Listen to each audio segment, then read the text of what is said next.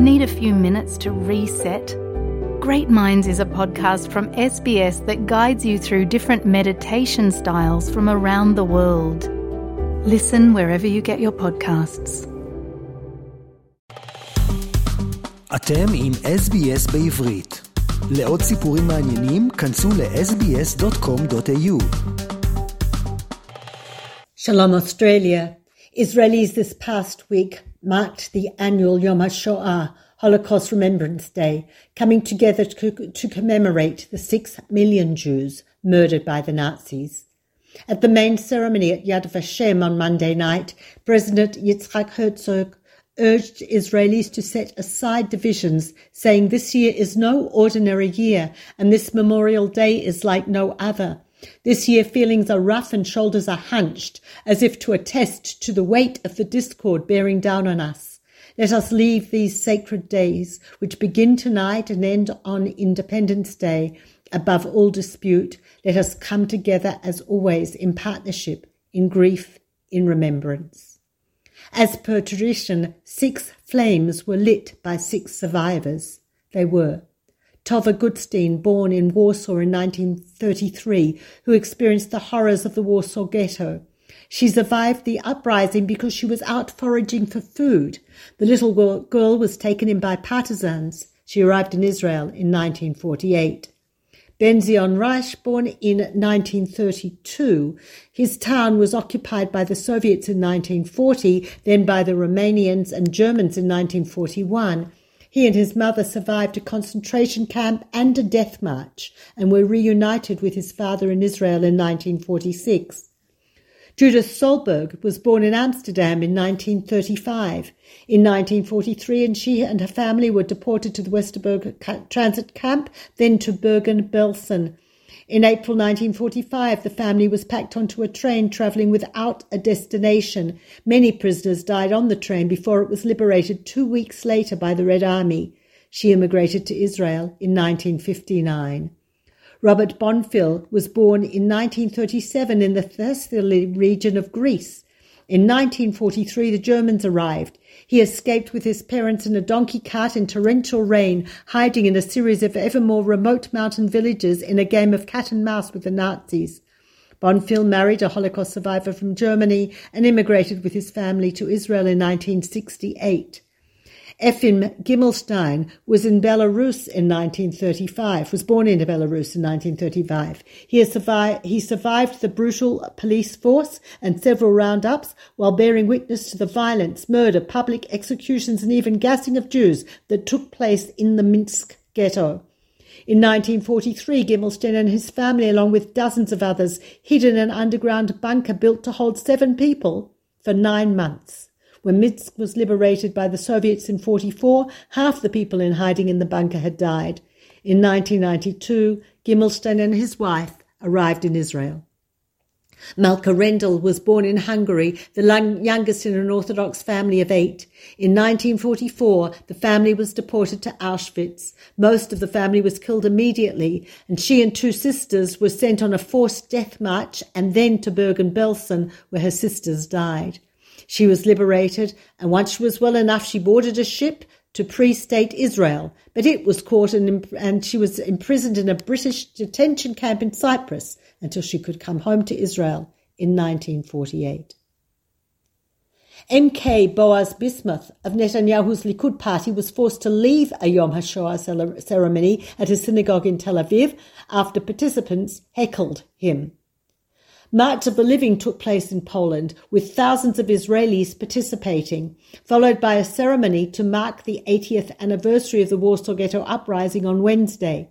President Herzog thanked Poland's President Duda for his commitment to Holocaust commemoration and said that he is certain his efforts will serve as a foundation to work out the differences and further the strong friendships between our nations. In his speech, he re- referenced the Israeli Polish dispute that has derailed Israeli school, ship, school trips to Poland for two years, saying, We must remember that the memory of the Holocaust is not postmodern or relative.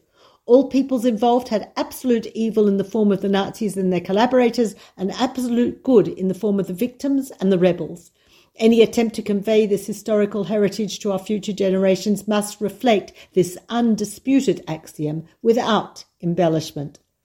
President Steinmeier of Germany said at the ceremony, The terrible crimes Germans perpetrated here fill me with shame, but also gratitude and humility to be able to participate in this event as the first German head of state to do so. At the Nożyk synagogue, the only one that survived the war in Warsaw, Herzog said that the presence of the presidents of Poland, Germany, and Israel together there carries immense, extraordinary meaning.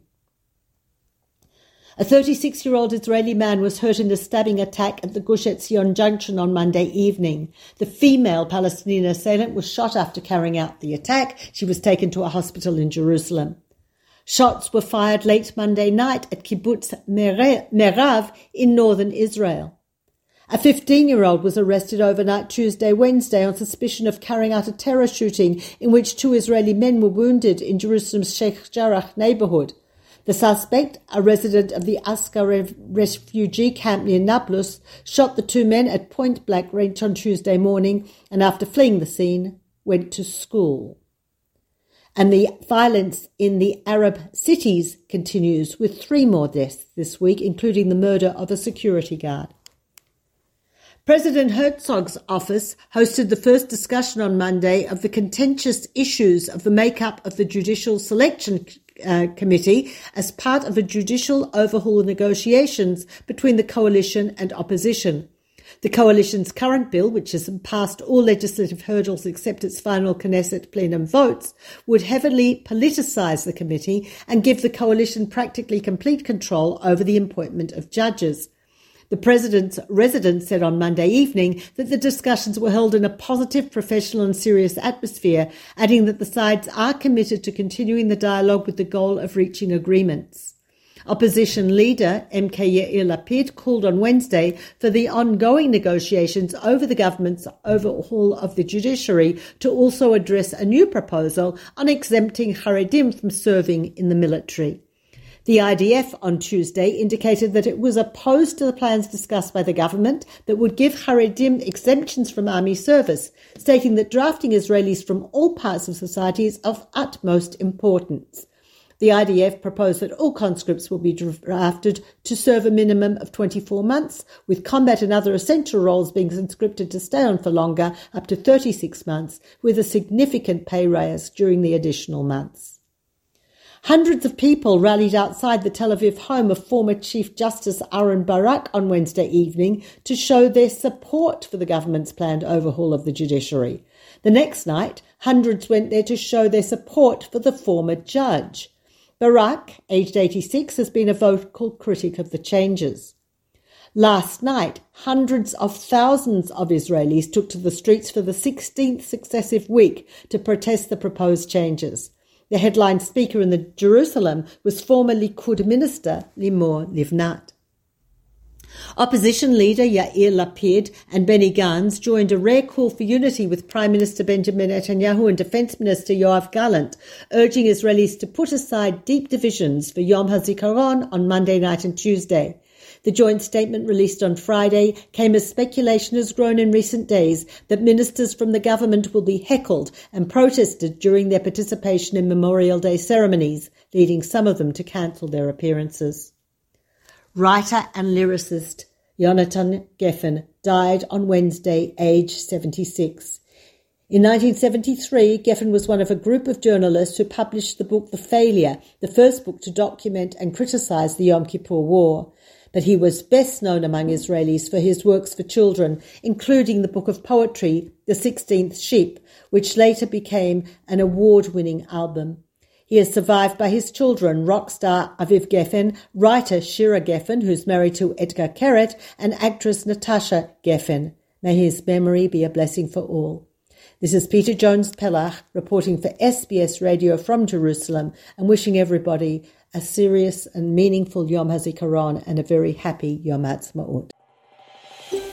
רוצים לשמוע עוד סיפורים? האזינו דרך האפל פודקאסט, גוגל פודקאסט, ספוטיפיי או בכל מקום אחר בו ניתן להאזין לפודקאסטים.